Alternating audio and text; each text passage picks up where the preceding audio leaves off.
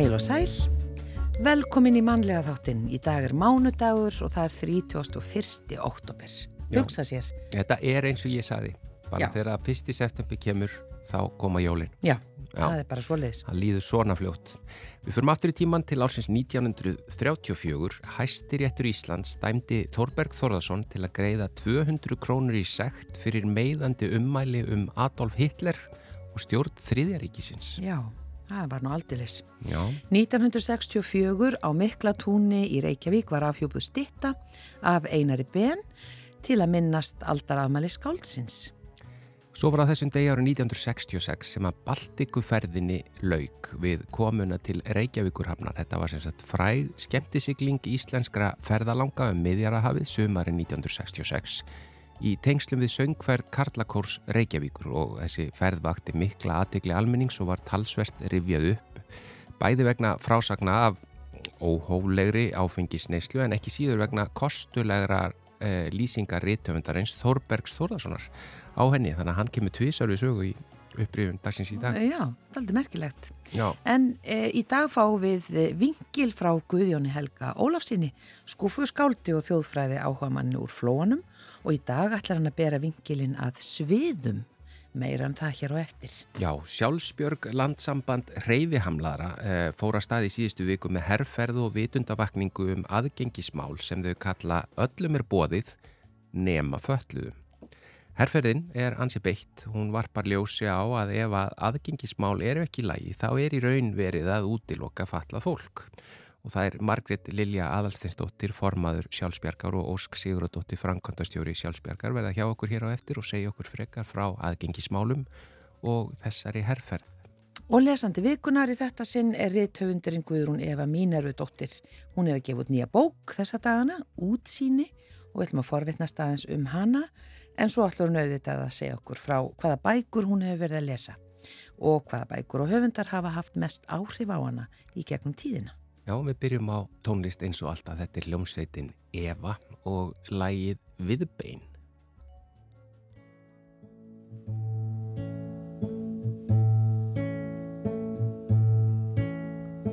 Hei, ástin mín, veistu hvað? Ég þarf að játa, ég á mér upp af þér.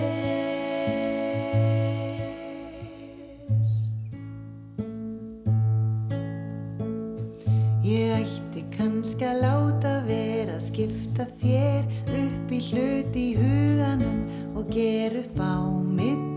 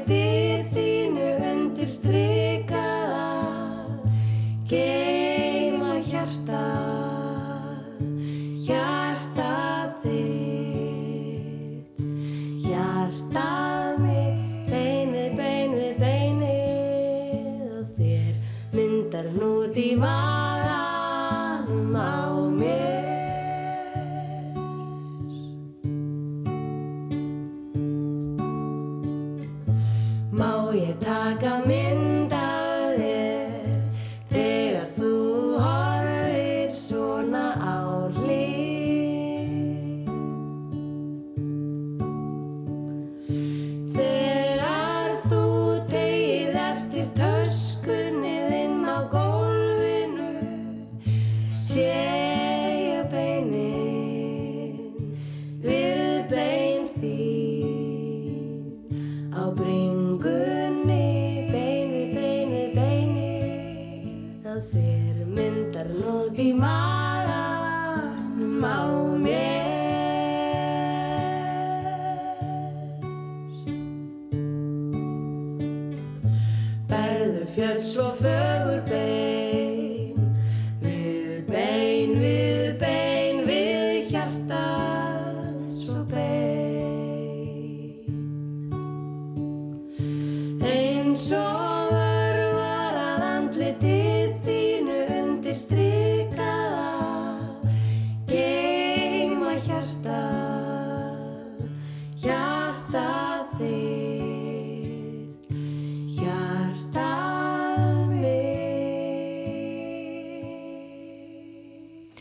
Hljómsveitin Eva og Viðbein eftir þar Jóhannu Völu Höskustóttur og Sigriði Eir Sofaníusardóttur. Já, eins og við sögum frá í uppafi, uh, Sjálfsbörg, uh, landsamband hreyfihamlara, fór á stað í síðustu viku með herrferð og vitundarvakningu um aðgengismál sem þau kalla öllum er bóðið nema föllum, sem að er ansi beitt og en varpar ljósi á, á aðgengismálinn og ef þau eru ekki lægi þá er verið að útloka fallað fólk. Og hingar það komnar Margret Lilja Aðalsteinsdóttir, formaður sjálfsbjargar og Ósk Sigurðardóttir, frankandastjóri sjálfsbjargar, velkomnar í manlega þáttin. Takk fyrir. Takk, takk. Þetta er hérna, byrjum bara aðeins á sko þessi herrferð sem er fann að stanuna. Hún er og bara strax í titlinum, öllum er bóðið nema fölluðum. Þetta er, er, þetta er stert og skýrt.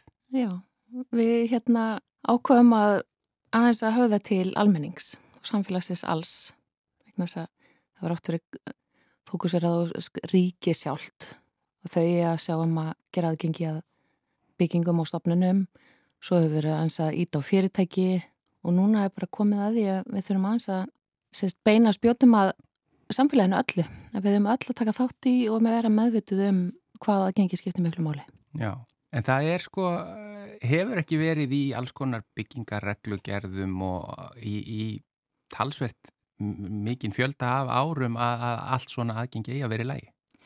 Jú, uh, það hefur verið það í samt ekkit svo langan tíma Já. og það er nefnilega þannig hérna á Íslandi að byggingar þurfu ekki að uppfylla byggingarreglugerna sem er í gangi í dag heldur bara þess ás sem að byggingin opnaði.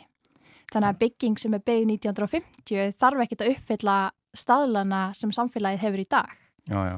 Uh, sem er náttúrulega mjög miður og en við mitt erum svona benda á, við sjálfsbyrg bendum á lausninnar og erum hérna til að aðstofa við að gera þessa gömlu byggingar líka aðgengilegri. Já.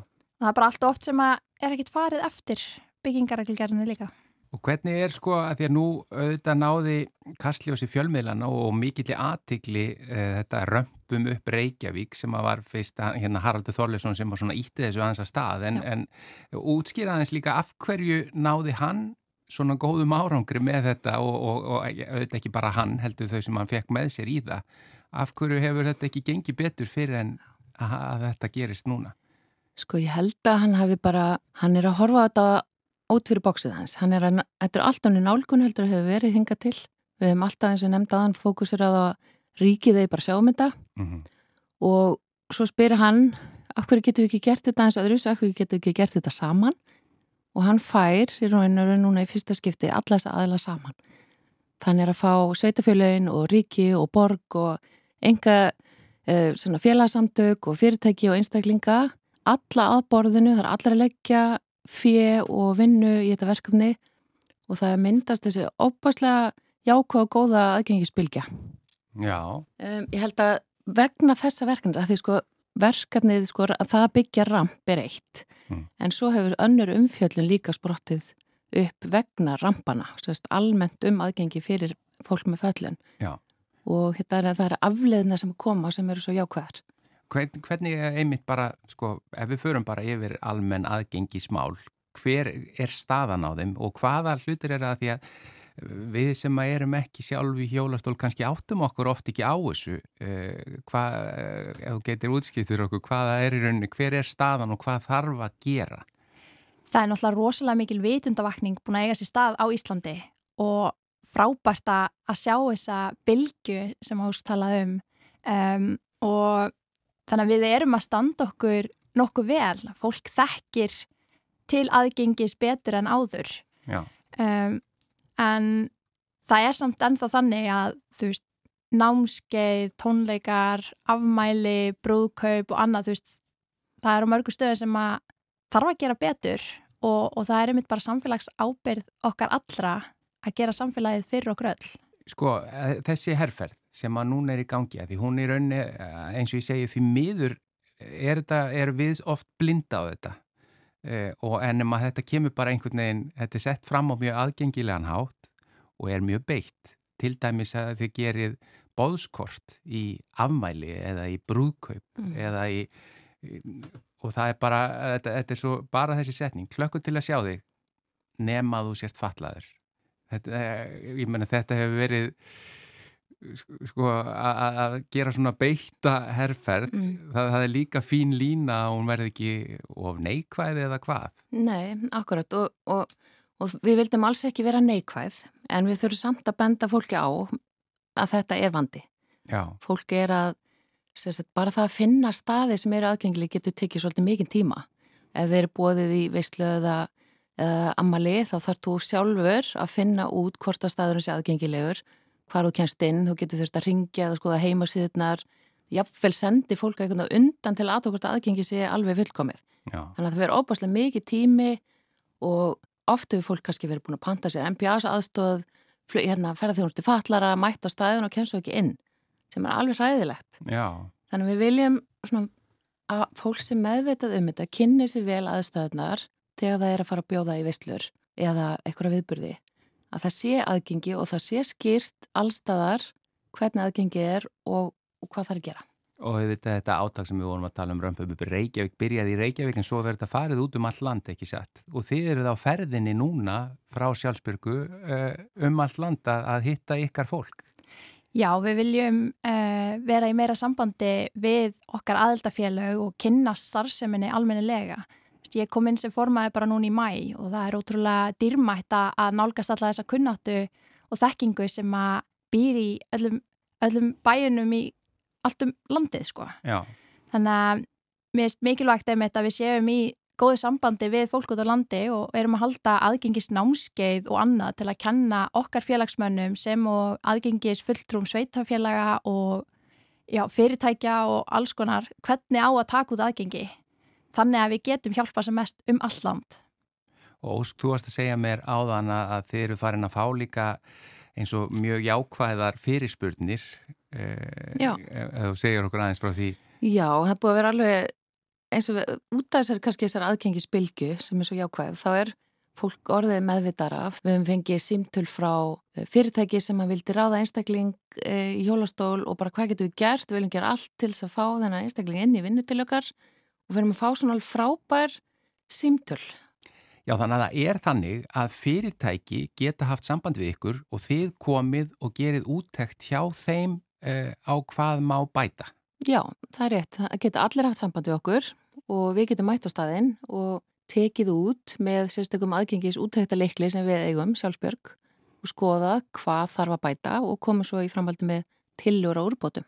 Já, Og, og sko, hvað, hvað er það yfirleitt sem þarf að bæta? Því auðvitað það bara hreinlega komast inn í húsið, að komast inn, á, inn í skrifstofur og annað, en eru fleiri hluti sem að þarf að laga en, en það? Já, mjög oft er það bílastæðin, þau eru ekki nægilega mörg, sérst, bílastæði fyrir fallaða, oft eru þau alls ekki nóg breið, þannig að það getur verið erfitt að komast út úr bílunum og svo er jáfnveil kantur bara við hliðin á bílastæðinu, síðan er oft uh, yngöngudir, sérst ekki nógu breyðar eða þungar á pumpu þannig að það getur erfitt að opna. Síðan eru það hörðir innandýra sem er, kannski stundum er ekki nógu breyðar uh, snirtingar getur verið erfitt eða hörðin kannski opnast út nei, innist að vera útsegi eða vantar armstóðir eða vaskarnir og spöklinir allt og háir. Það er svona ímisatrið sem er hægt að laga með litlu fyrirvara og litlu tilkostnaði Við sjálfsbjörn náttúrulega búum yfir rosalega mikillir þekkingu sem landsamband treyfihamlara og það er náttúrulega um að gera að nýta það út af því að við ætlumst ekki til að allir þekki aðgengismál eins vel og við gerum. Því maður veit ekki fyrir maður veit. Já, þá er bara um að gera að spyrja þau sem vita. Nákvæmlega. Þannig að fyrirtæki hafa þá bara samband við ykkur og fá ykkur til að koma að, þessa, að gera þessa útækt. Já. Já, og þetta uh, átak sem fór í stað í síðustu viku Eh, þið eru það auðvitað líka að þetta er bæði vitundavakning og svo er það að fá fólk til að styrkja baráttan ekki satt. Jú, við erum félagsamtök sem að berjumst fyrir mannréttindum og réttindum fallasfólks og við til þess að geta unni allar þess að vinnu og vera með þessi námskeið og fræðslu fyrir fyrirtæki og stopnundur og, og, og hérna, stopnanir og einstakleika að þá við erum ekki fjárlögum til að mynda þannig að við treystum svolítið á það fólkstuði til dæmis haftræti okkar Já. sem er tvisar ári, það verður áramöta haftræti núna, það er alveg að fara að koma út Já. og svo erum við með sérst, hotlinni sjálfsbörgar þannig að að fólk getur stutt okkur í gegnum það, annarkvart með mánarlegu greiðslu með eingreðslu og á ymsan annan hátt. Við erum með vefverslun núna líka og við erum eitthvað hjálpatækja leigu þannig að það er svona ymsi möguleika til þess að um, aðstofa okkur og hjálpa okkur. Þannig að, og ég bendi líka á hérna síðuna nemafölluð.is Já. sem er undir síða hjá ykkur. Og þarna, ég verð bara að taka að því að þetta er svo flott uh, flott herrferð, hérna til dæmis velkomi í atvinnuvital nema þú sett fallaður Þetta er, ég menna að þetta lendir fólk oft í, ekki satt? Jú, allt og oft. Og ég mitt svona nota svolítið kannski mína reynslu til að útskýra fyrir fólki þennan vanda. Er að þetta er, föllun er samfélagslegt hugtak og þegar ég mæta skrifstofuna hjá mér, mér, hjá okkur í sjálfsbjörg þar sem að það er aðgengi fyrir mig og það er allt bara, þú veist, ég upplifi sjálfa mig ekkert fallaða. Já. Þannig að það skiptir líka svo miklu máli bara að við fáum tækifæri til þess að komast inn í bygginguna og sína hvað í okkur býr. Það sé ekki bara að við séum útilókuð um leið og bara já, áður en að fara að auglýsa eftir starfsfólki. Uh, já, þetta er sem sagt uh, þetta, þessi herrferð og vitundavakning á vegum sjálfsbjargar, uh, landsambat hreyfihamlara Margrit Lilja Aðarsteinsdóttir, formaði sjálfsbjargar og Ósk Sigurðardóttir, frangandastjóri. Takk kjalla fyrir komin í manlega þátti. Takk fyrir okkur. Takk, takk.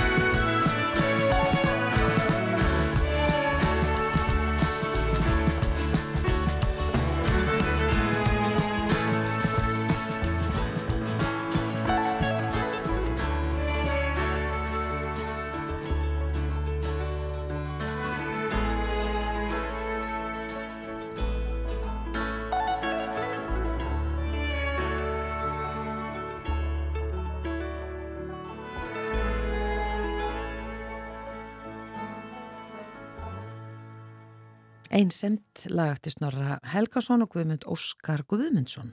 Já, en það er komið að Guðjóni Helga Ólasinni, skúfuskaldi og þjóðfræði áhuga manni úr flóanum. Þetta er vingill um svið. Ágætu hlustendur, við skulum hugsa svo litið um svið í dag. Frændi minn og nágranni kom nefnilega færandi hendi til mín um daginn. Alltaf er hann nú meirinn velkomin sá en þeim sem kemur með heimaverkaðan sviðahaus og nokkra lappir í póka til að færa manni er eiginlega ekki hægt að gera nægilega hátt undir höfði og ítrekka ég þakkir mínar. Ég þykist vita að flestir í hópi áheyranda viti hvað um er rætt þegar að svið ber á góma. Og sennilega tellistu ekki lengur til alþýðu fæðu og sviðalappir eru nokkuð öruglega ekki á borðum hverstagslega nema þar sem enn eru tengingar við þá sem nenn að standa í að slátra heima og verka þær afurður sem til falla. Heldur finnast mér reyndar svið vera hátíðamattur og okkur hjónum báðum, en við sjáum undir illjar á afkomendurum þegar að hausar og lappir eru færið úr frosti. Og á okkur eru settar langar ræður um vonsku manna í garð þeirra blessuðu sakleysingja sem hafður eru til matar víða um heim og hvort að ekki sé nú of mikið á fólk lagt að horfa í augu þeirra postmortem. Stundum reynum við nú að malda í móin og hósta því upp að það sé nú heiðarlega nýtni og ráðdeld að borða sem mest af því sem fellur til af skrokk þeirra dýra sem nýtt eru til matar á annað borð. Vissulega er ómögulegt að þekkja svipin af þeim skeppnum sem hafðar eru í hakk og gúlas, reyndar er ekkert örugt í þeim efnum sem berlega kom í ljós fyrir nokkrum árum þegar að gerðar erðafræði rannsókn á einhverju tilbúnu frostmeti. Gott ef það var ekki lasagna sem er leiðindamatur og einlega ekkert nema sósan og vesenið. En sem sagt, í ljós kom að nautahakkið sem átti að vera upp í staðan í viðkomandi rétti var alls ekki af nautum, heldur af hestum og þeim gömlum. Ég er eitthvað mjög fylgjandi neyslu og hrossakjöti en rétt skal vera rétt þó í sósuna sé komið. Eins voru seldar hér kjötbökur fyrir nokkrum árum. Al íslensk framleiðsla sem hefði nú ótt að vera gæðastimpill, en var það alls ekki. Því að í bökum þessum sem voru út flattar degklessur sem áhafi verið slett einhverjum dularfullum sósumat, reyndist alls ekki und að greina kjöt af neinu tægi. Þessi nýðurstað hefði auðvitað átt að gleðja þá sem ekki vilja borða kjöt, en mig minnir endilega að öllum byrðum hafi verið eitt. Það er enda líka vittleisa. Alveg óþarfi að henda þessi ruslið og að vond og kjötlöst sé. Næra fara með þetta fyrir þær dýrategundur sem ekki gera veður út af slíku. Ég var að tala um svið en ekki svikamat og byrst nú forláts á út úr durnum en við kannski hlaupum á hundavaði yfir lýsingu á fyrirbærinu eða vera skildi að í hópi hlustenda væri einhver sem ekki áttar sig á því hvaðum er rætt. Það þykir ekki fínt í fræðasamfélaginu að vitna í greinar á Wikipedia, ég átta mig á því. En þar er ágætt greinum svið og við skulum kjamsa og upphafi hennar, tilvitnun hefst. Svið eru hefðbundin íslenskur matur sem raunar þekkist einnig í mörgum öðrum löndum. Hausar af lömbum eða fullornum kindum sem ullin hefur verið sviðin af við eld og síðan skafin af Nú eru þeir þetta þó oft gert með því að kalúna sviðin í klórblöndu, en mörgum þykja þau bragð minni og verri fyrir vikið. Sviðahausarnir eru síðan klopnir í tvent og kallast helmingarnir kjammar. Heilin er fjarlæður og honum hent og sviðin eru matreitt. Svið hafa verið borðuð á Íslandi frá fornu fari og þykja mörgum þau sælgæti. Raunar hafa hausar verið nýttir til matar í öllum löndum þar sem söðfjárrekt hefur verið stunduð þó að það sé alls, að það sé alls ekki gert nú og víða þótti besti bitin af skeppnunni. Þau eru þó alls ekki allstaðar sviðin. En það er gert í Noregi, heita þar smalahoföð og í færium sæðahöfd. Annar staðar eru þau oft flegin og síðan soðin, bökuð eða grilluð, tilvittnun líkur. Greinin er lengri og þeir sláu bara orðinu sviðin í leitarstrengin og lesið afganginu ykkur sínist tvo, ég held að þetta sé gott í bíli. En ágetur hlustendur, ég er nú að heyrum það í fyrsta skipti að hausar sem kalónaðir eru í klórblöndu geti kallast svið.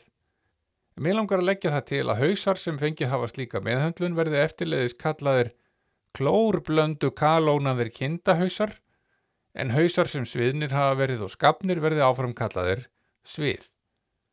Annars erum við farin að tróða sömu götur og þeir sem selja kjötlausar kjötbökur. Ánefndum þeim sem selja havra og möndlu blandað vatn sem mjólk af þeim skeppnum og enginn sé á þeim sperinn. Fyrir aldarfjörðingi síðan fekk ég bóð í kaffisamsæti hjá tengdaföður mínum. Ætli tilefnið hafi ekki verið 50 sammæli hjá honum og ég auðvitað þáði bóði til að vera nú ekki félagskýtur og hann þóttist ekkert vilja í afmæliskjöfin, grínaðist með að best væri að fá hausa og lappir til að svíða. En það fengist líkt ekki lengur í sláturfélaginu um að full verkað og lappirnar alls ekki. Þetta væri ekkit minna en harmleikur. Og síst til þess fallið að auka hreisti þjóðarinnar sem var nú sennilega markmið sjölubansins. Og hvort ég þekkti ekki einhverja bændur sem væri að slátra heima þannig að hann fengi nú kannski einn haus og sett af ganglimum til að svíða á bílskúströppunum sér til gamans. Hann sagðist vanur að setja á gömlum eldúskolli með kósan gasbrennara og svíða svið kvöld og kvöld í sláturtíð. Það væri gott tómstundagaman. Fínt að hlusta á útvarpið og totta fánavindir í leiðinni. Ég þorði auðvitað ekki að lofa öðrun að aðtúa málið en hafið samúð með kalli. Það er ómögulegt að tapa svona góðu hobbyi þó að meiningin hjá þeim í sláturfélaginu hafi verið fullkomlega skiljanleg út af fyrir sig. Svo stittist nú í kaffibóðið og ég ringdi í góðan vinn af stjætt söðfjórubænda og spurði hvort hann ætti nokkuð einn haus og nokkra lappir handa mér að færa tengdapappa í ammæliskjöf. Hann held það nú og sagði mér að koma í kaffi með svartan ruslaboka meðferðis, þetta er einhver ráð. Ég rendi svo í hlað hjá bónda skömmu síðar og var bóðið inn. Hann bað um pókan og sagðist alltaf tíni hann tvær þeirra lappir og kannski haus ef tilværi. Ég skildi fara inn, setjast þar á stól og segja tíðindi. Hann kemi að vörmuspori. Og þetta var þeim besta skemmtur, mikið leið og skrafaðum allt og ekkert og þegar ég var á leiðin út í bíl eftir kaffið sagði bóndi mér að hann hefði sett pókan í skottið á bílnum mínum. Ég mætti ekkert borga því að þetta væri ólögleg vara og ef löggan hýrti mig fyrir ólöglegan flutning á matvælum mætti ég alls ekki nefna sig til sögurnar. Ég hlóði auðvitað að því og lofaði öllu fögru. Nú, nú, svo legg ég fyrir utan hjá tengdó og opna afturhleran á mínum lata sport áfæru bíl og ætla að kippa með mér pókanum en hann var þá bísna þungur og alveg kúfullur. Þannig að ég var að gretta mig aðeins við að ná hennum útbyrðis og nota báðar hendur til burðar. Ég knúði dýra og heilsaði tengdapappa, óskaði honum innilega til hamingi með ammali og rétti honum úttróðin pókan sem afmæliskjöf og gekk inn, en hann varð eftir í fórstofunni. Eftir smá stund er ég hlátur mikinn þaðan, hann skeiðar inn í stofu og kallar til bræður sína til að sjá nú þessa fínu gjöf frá tengdasinninum. Þeir fóru svo fram og letu dýrðina augum. Tengdapappi var hæst ánöður en þeir tóku hóflega undir en það átti alveg eftir að verka innihald pókans. Ég vildi auðvitað ekki hafa þá ánægju af honum að setja með myndilinn og svíða hausa auk þessum aðrir íbúar í seljakverfi myndi þá finna það á lyktinni að nú væri haustið svo sannarlega komið. Hverri ástíð fylgir sinn sjarmi. Ég hlakka ekki síst til haustsins og því sem því fylgir og vona þið gerir slíkt þið sama. Góðar stundir. Þetta var uh, Guðjón Helgi Ólafsson, uh, pislahundur hjá okkur, skúfu skáld og þjóðfræði áhuga maður úr flóanum.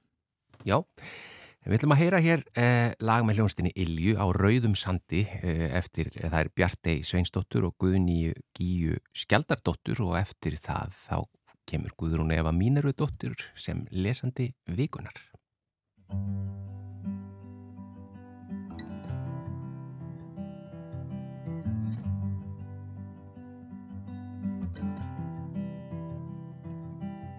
Música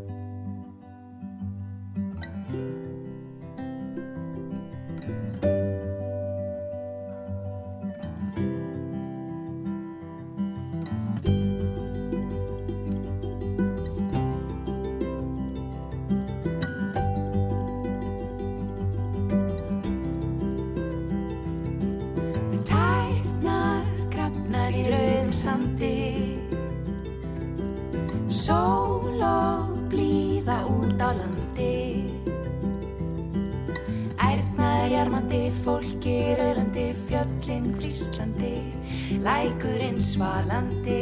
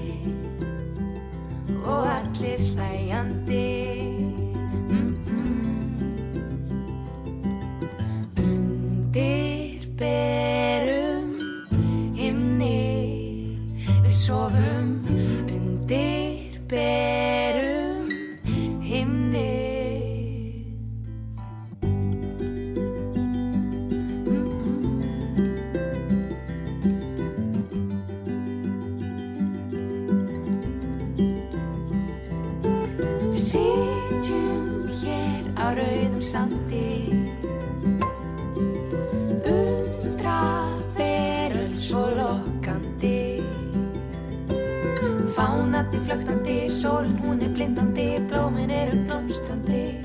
Náttúran dreymandi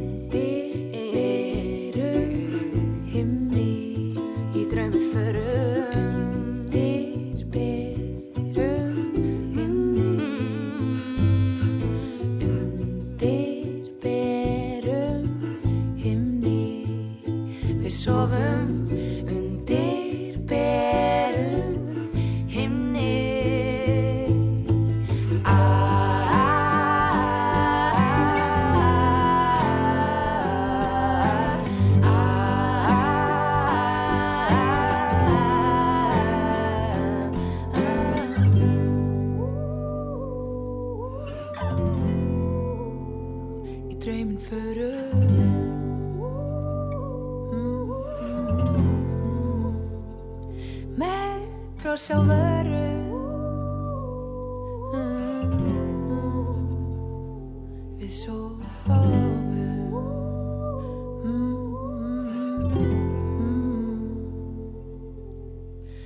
við sofum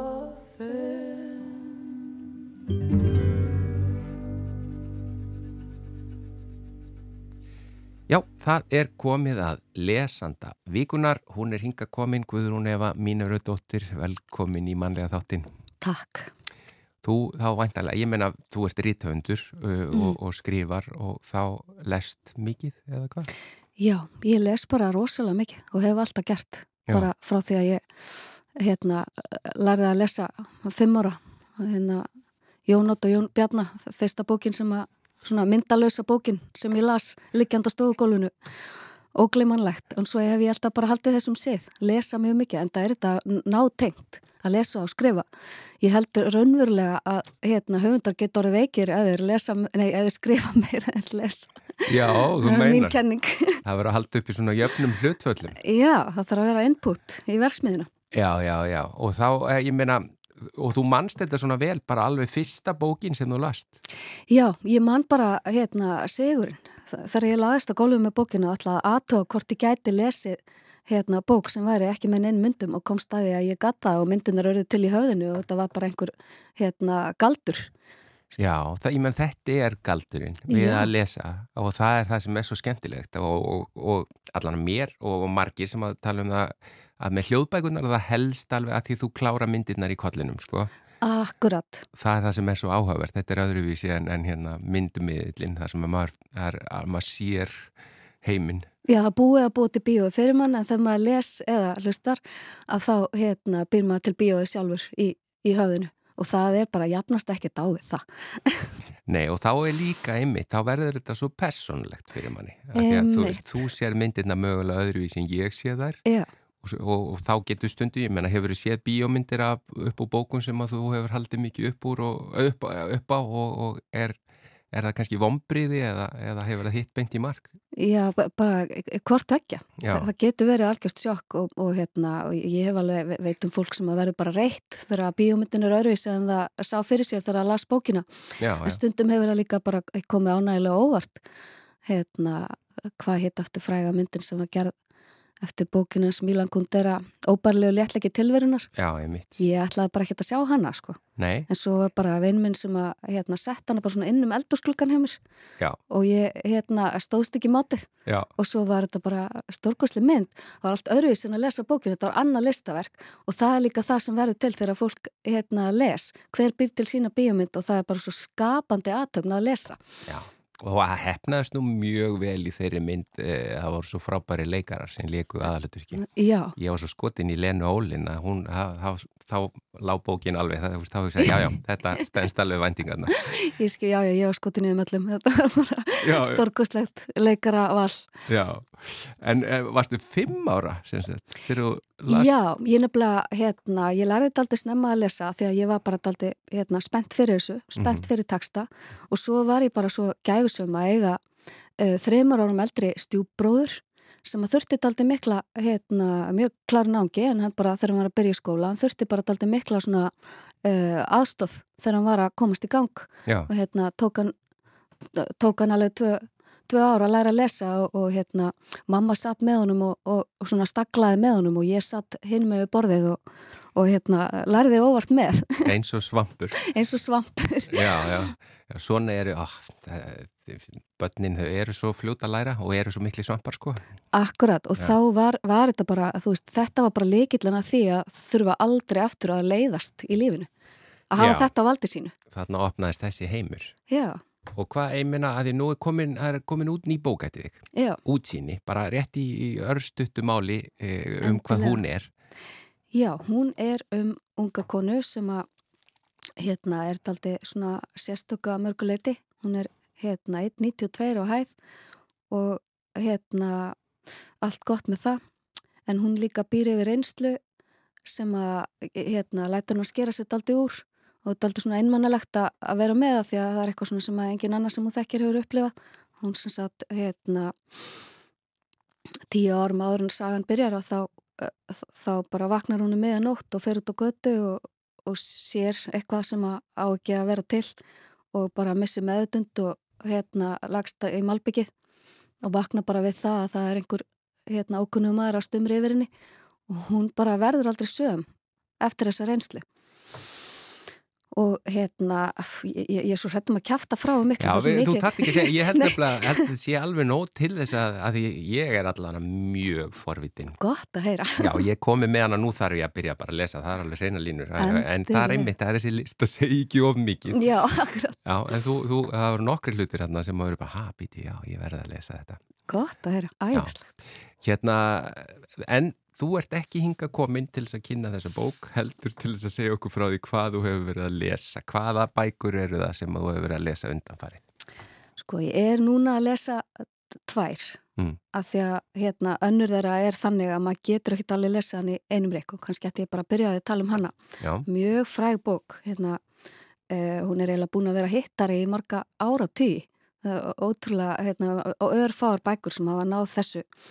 Hérna, hún heitir Women Who Run with the Wolves eftir höfund sem heitir Clarissa Piccola Estes mm. ég er að taka mér þetta nafn í fyrsta sinni munna því að hérna, ég fatt allt í hennu þegar ég tók bókina hérna hann um tösku til að taka hana með mér og, og ræða um hana við þig að ég hef aldrei, sko, ég frekar næri pælt í þessum höfundi. já, Það er eins og hún hafi bara komið í heiminn til þess að koma þessari bóku frá sér og, og hérna, henni takst að gera það þannig að, að allir eru með fókusina, fókusin alfarið á bókina og ekki höfundin sem er einhvern veginn svona í sjálfu sér.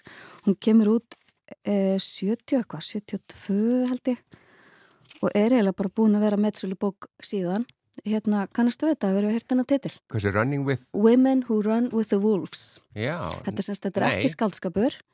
Þetta er, hérna, þetta er bara gæðlagnir sem að tekur ævintýri og hún er sálgreinir og hún sálgreinir ævintýrin uh, með sérstöku tilliti til sálalífs kvenna og hérna hún tekur bara fyrir eitt ævintýri einu, þetta er algjör dóðrandur mm. og hérna segir söguna og svo sálgreinur hún og útskýrir hvaða þýðingu þetta hefur, hérna, hvaða merkingu þetta hefur í sálalífinu, í djúbvitundinni. Er, byrju, að ég misti aðeins að er þetta sem sagt ævintýri sem að, að flestir eða allir þekkja? Já, Já, já, já, hérna, eh, sko, sögum þeirra. Þetta eru doldið mörg ævintýri, sögum þeirra eru bara, þú veist, hérna, bara Disney. já en, flest... getur þú tekið þá eins og bara smá dæmi?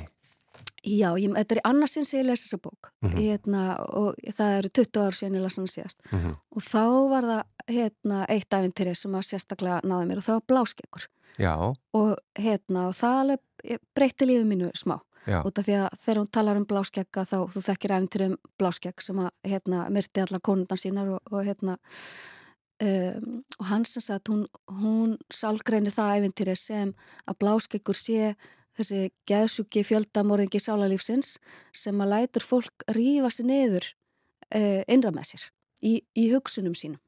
Sem sagt hérna uh, ávanni sem mjög margir hafa sem er bara að þeir, þeir ha- halda að sé að gera sig greiða já, með því að gaggrani sig rosalega hart í innra já, en er í rauninni að brjóta sig niður. Og sem er bara daldið algengt. mjög algengt. Og Já. þetta var eitthvað sem að eitthvað, svona, eitthvað sport sem ég laði stunda og held að væri bara hérna, ég væri að, bæta mig sem manneskja Já, já, með þessu en, en hérna, hún sannfarið mig alveg með þessari umfjöllun og bara eina ráðið væri að, hérna, að, að bara drepa hann, hann væri bara eins og mingur í hensnabúi og það þurfti bara sveltandi dauða með því að hérna, bara reytskoða sig að innan og hætta þessu fullkomlega. já, Það tók svona þrjá mánuði já, og bara raunverulega ég, ég hætti að rífa mig harkalega niður eh, innra með mér. og ég meina þetta fegstu úr þessari bók. Úr þessari bók. Hennar, hennar greiningu að þessari sögu. Já, Já, ég bara áttaði mig á að þetta væri ekki holdt sport já, og þetta væri í rauninni ekki að, hérna, uh, að gera mig greiða frekar öðrum. En er, er hún að lesa þannig inn í ævintýrin, uh, það er að segja, uh, heldur þau að, að ævintýrin hafi verið samin uppálega með þetta í huga eða eitthvað Ekki með svipað? þetta í huga. Nei, nei, En þau koma einhver stað frá, hún er auðvitað að túlka já, já, og hún, hún gefur sér auðvitað bara allt pláss sem henni sýnist til að túlka. Hún er að já, nota sagnalistina til að ná til okkar, fá okkur til að skilja og það virkar svona rosalega vel og það er bara, ef maður minnist á þessa bók í hérna hópi hvenna sem lesa, þá er það alltaf bara næstu alla búin að lesa bókina og eru bara já, en það sem er áhugavert að lesa hana aftur 20 árum setna er að það eru sko það eru önnur, eru önnur ævintýri núna sem að grípa aðtegli mína og með öðrum hætti. Þannig að þetta er eins og bókin hafi breyst í millitíðinni já, að því að, að því að ég hef vaksið já, og hérna. þroskast, já, stórmerkilegt. Já. Þetta Wo- Women Who Run With Wolves mm og segði einu svona nafnið mér, þú sagði það Eh, alveg ágætlega sko, bara það held ég fram. Já, Women Who Run With The Wolves eftir hérna Clarissu Pinkolu Estes næsta bók, Næsta bók, já, hérna, að því að þetta er rosalega danslesefni Mm. og hérna, þá þarf ég stundum að þess að kvíla mig á henni og leggja hann til þér. Þá er ég að lesa tvær bækur einu. Hinn bókin sem ég er að lesa heitir Lífið að leysa og er eftir Alice Munro mm, sem að hérna, skrifar bara smásögur. Hún bara sérhæfi sig alveg í smásögum og það þótti merkilegt og hérna við aðdándur hennar glöddumst þegar hún fekk Nobelsvelun 2013 já, af því að það er ekkit hérna, algengt að smásagnahöfundar e, fái svona hérna, upphefðu og aðtegli en þetta er í rauninni alveg rosalega vannmetið form já, og vandasamt form. Og ég vildi eiginlega bara óska að ég skrifaði fleiri smásugur en, en hérna, maður stjórnar þessu ekki alveg. Já, hérna, e, e, það komu til mín nokkra smásugur hérna, sem ég gátt í bókinni Austin, Texas 2017 já, en, en annars sko er eins og bara allt sem ég skrifi verði að hérna, svona bólni út í höndunum á mér og, og breytist í skaldsögur En að því að þarf að í rauninni að uh, kjarna svo Mhm. mikið söguna á stittri hátt ekki satt. Jú. hver er svona fyrir þig sem höfund að, að hérna, hver er munurinn eins og núna þessi útsýni? Hún nú doldið þykku dórandur já, með að við að skrifa ég meina það eins og segir, það er flókið að ná því niður í, í, í, smásöguna. Já, það er eiginlega bara annars konar hugmyndir sem koma til, til manns, það koma til manns öðruvísi. Það, það er einhvern veginn, hérna, það, er, það, það eru annars önnur tegund af skrifum. Það er rosalega mikið kyrt á innsæðinu, e, smásagan. Að það er svolítið svona bestu smásöguna sem ég, ég les er svolítið, svolítið eins og að byrja einhver staðar og enda einhver staðar. Það eru þetta ekki þannig. Mm. Það er einhvern veginn, hérna, innsæði sem að ákvara það og svona undirvitundin á meðan sko e, skaldsögur eru bara meira með e, byrjun, miðju og endi já, og það, það þarf alltaf, það er allt önnu tegund af struktúr Er, er, er ég að meta rétt eh, og auðvitað er náttúrulega margvíslegar tegundur en, en að eh, smásagan sé svolítið svona að maður fá að gæja staðin sinn og svo út aftur Algjörlega, það er þannig sem ég upplýða líka Já. þú fer bara, hérna, ferði inn um einhvern glugga hjá einhverju fólki mm -hmm. á einhverjum hérna, áhugaverðum tímapunkti í lífið þess og svo, svo súmar það bara út aftur og hérna, hún er svo mikil meistari í þessu, hún Alex Monroe, hún er búin að gefa út sko margar bækur sem eru bara smásagnasöfn mm -hmm hún er svo mikill sko uh, meistari í því að láta mann virkilega líða eins og maður hafi hitt þetta fólk og komið þarna og, og, og verið upp, þú veist, snert essensin í lífslöpu einhvers. Ég geti ekki útskipt þetta betur. Já, og, bara ágætlega útskipt myndi ég segja. Já, takk. Já. En, en sko ég, þetta eru, þú veist, ég myndi ekki lesa Alice Monroe ef ég væri að passa lítið bann. Af því að, að því hún bara tekur mann alveg veit ekki hvernig hún fer að þessu hún, hérna, bara, þetta er bara mannrán hún fer með mann inn í, inn í hennan heim Já. og svo svona skólar mann að landa aftur og ég hugsa alltaf að þetta ætti að taka mér pásu eftir hverja sögu mm. og svona jafna með þess að hann dempi mér úti aftur. En hérna, en sjálfnast get ég bara stilt mig um það. Tógar í því Já, tógar þetta, maður er svona gráðugur í einan texta. Já, en ekki verið að passa á sama tíma. Nei, ekki, ekki lítið bann Hvað hérna, ok, og, og svo varstu með eina bóka en eða ekki? Jú, jú, jú, herðu, einmitt. Ég er sko nýbúin að klára að lesa Tól eftir Kristínu Eriksdóttur bók sem er bara ný komin út. Mm -hmm. ég held að sé bara verið að dreifinni í búðir. Ég fekk að, hérna ég fekk að svindla mig fram fyrir rauðin að lesa hana áður hún kom út. Mm. og ég er svo mikill aðdándennar Kristínar Eriks, mér finnst hún svo góður höfundur. Og þessi bók Tól er alveg bara Eh, náðu mig gjörsamlega. Hún gerir eitthvað alveg sérstakt við lesendur hún Kristín. Já. alltaf hún fer með mann einhvern veginn svona á djúpið. Já. og þessi bók fjallar um hérna hval veiðimann og mér fannst það einhvern veginn svo hérna einhvern nátt veiðandi út af því að, að því að hún er svo mikil svona undirdjúpa höfundur Já. en líka það er líka alltaf eitthvað svona blóð á tönnunum þegar maður er að lesa bækundunum það er líka svolítið svona þú veist, hún er rosalega óhrætt við að fara inn í myrkrið. Já, hann er hún farin inn í myrkur uh, undir djúpana. Í mörgum skilningi. Já. Þetta er, þetta er náttúrulega, hérna, við erum ekkert mikið í bókinni að veiða kvali, við erum alveg bara, hérna... Ekki bókstaflega kannski? Nei, við erum alveg bara að veiða fólk já. og veiða mannskilning. Já, en hvað sér, heitir, heitir hún Tól? Hún heitir Tól, já. Já, heyrðu, en á, eh, ef við förum bara eins langt aftur í tíman eins og þú vilt, hvaða bækur svona, þú varst búin að segja okkur að fyrsta bóki sem þú last, það var, eh, var ekki Jónatur Jónbjörni? Jú. Já, hvaða bækur svona kom upp í kollin sem var svona en þá sitja með þér svona, sem hafa haft sérstök áhrif á því gegnum tíðina? Sko, ég verð að segja undrun og skjálti eftir Amelie Nothumb sem er líka bara alltaf uppáhalds höfundur hjá mér. Hún er alveg rosalega flottur höfundur. Hún er belgísk, skrifar á fransku. Mm. Hún skrifar svona novelur.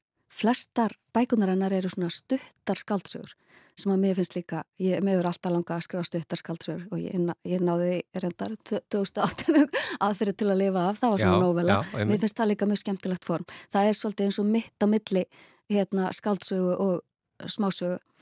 En hérna undrun og skjálti, hún er af, það er sannsöguleg bók, hún gefur sér örgla talsvart skaldalefi en fjallar um það þegar hún fer til Japan að vinna fyrir hérna eitthvað svona stór, stórt fyrirtæki og og er bara í kultursjokki allan tíman og allir í kringum hana í kultursjokki út af henni og, og bókin er einhvern veginn svona algjörlega skjálfileg og kvíðavaldandi og ógæðslega að fyndin á sama tíma. Þetta er svolítið eins og hún hafi komið á undan hérna, þú veist, office þættinir komið með allt svona nýja tegunda húmur inn í heiminn, sem var svona kvíðavaldandi húmur og, og þessi bók er aldrei svona og maður er einhvern veginn svona að lesa hana á stólbrúninni. Já, og hérna uh, ég, ég held ég verði bara að hérna gangast við því að Amelie hefur haft svolítið mikil áhrif á mig bara sem lesanda, sem mannesku og sem höfund. Já, með sínum ljómandi. bókum en þessi bók er einhvern veginn svona uh, hún er svona ógleimanleg og það er að lesa hana aftur og hún er einhvern veginn jafn góð í annað og þriða sinn og það var gerð mynd eftir henni sem er einmitt jafn góð á bókin og heitir bara Eh, sama. eh, Já, Stupeur tremblement Oui, oui. Ah, oui. fransk mynd Já. Já, og svo hérna svo datt mér í hug ég veit ekki alveg akkur þetta kom til mín vegna þess að þetta er ekkit eitthvað uppáhaldsbóki mín eða þannig. Hérna, The Corrections eftir Jonathan Franzen. Mjög fín bóksamt og frábær höfundur. Mm.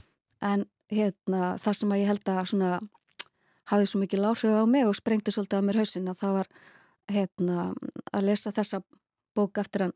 Hann hefur skrifað margar síðan sem eru líka með hennan eiginlega að það sem að skrifa er einhvern veginn í svo hári upplust þú, það er svo rosalega nákvæmt Já, þú, þú það er búið að svo summa það mikið inn. það er búið að summa svo mikið inn og maður sér svo nákvæmlega allt fyrir sér Kann, kannastu við það? Já, Þi- Já, ég bara verð því byggður að stoppa þig, svo langt, já, en þetta er einu sinni enn nafnið þessari bóka því að við bara, við verðum að hleypa fréttum að það. ok The Corrections eftir Jonathan Franzen Já, Guðrún Eva mínuru dóttur, takk fyrir að vera lesandi vikunar í mannlega þættinum í þetta sinn, en þættinum er bara lokið, við þurfum að enda hér, við þökkum innilega fyrir samfélgina og hveðjum í dag, verið sæl.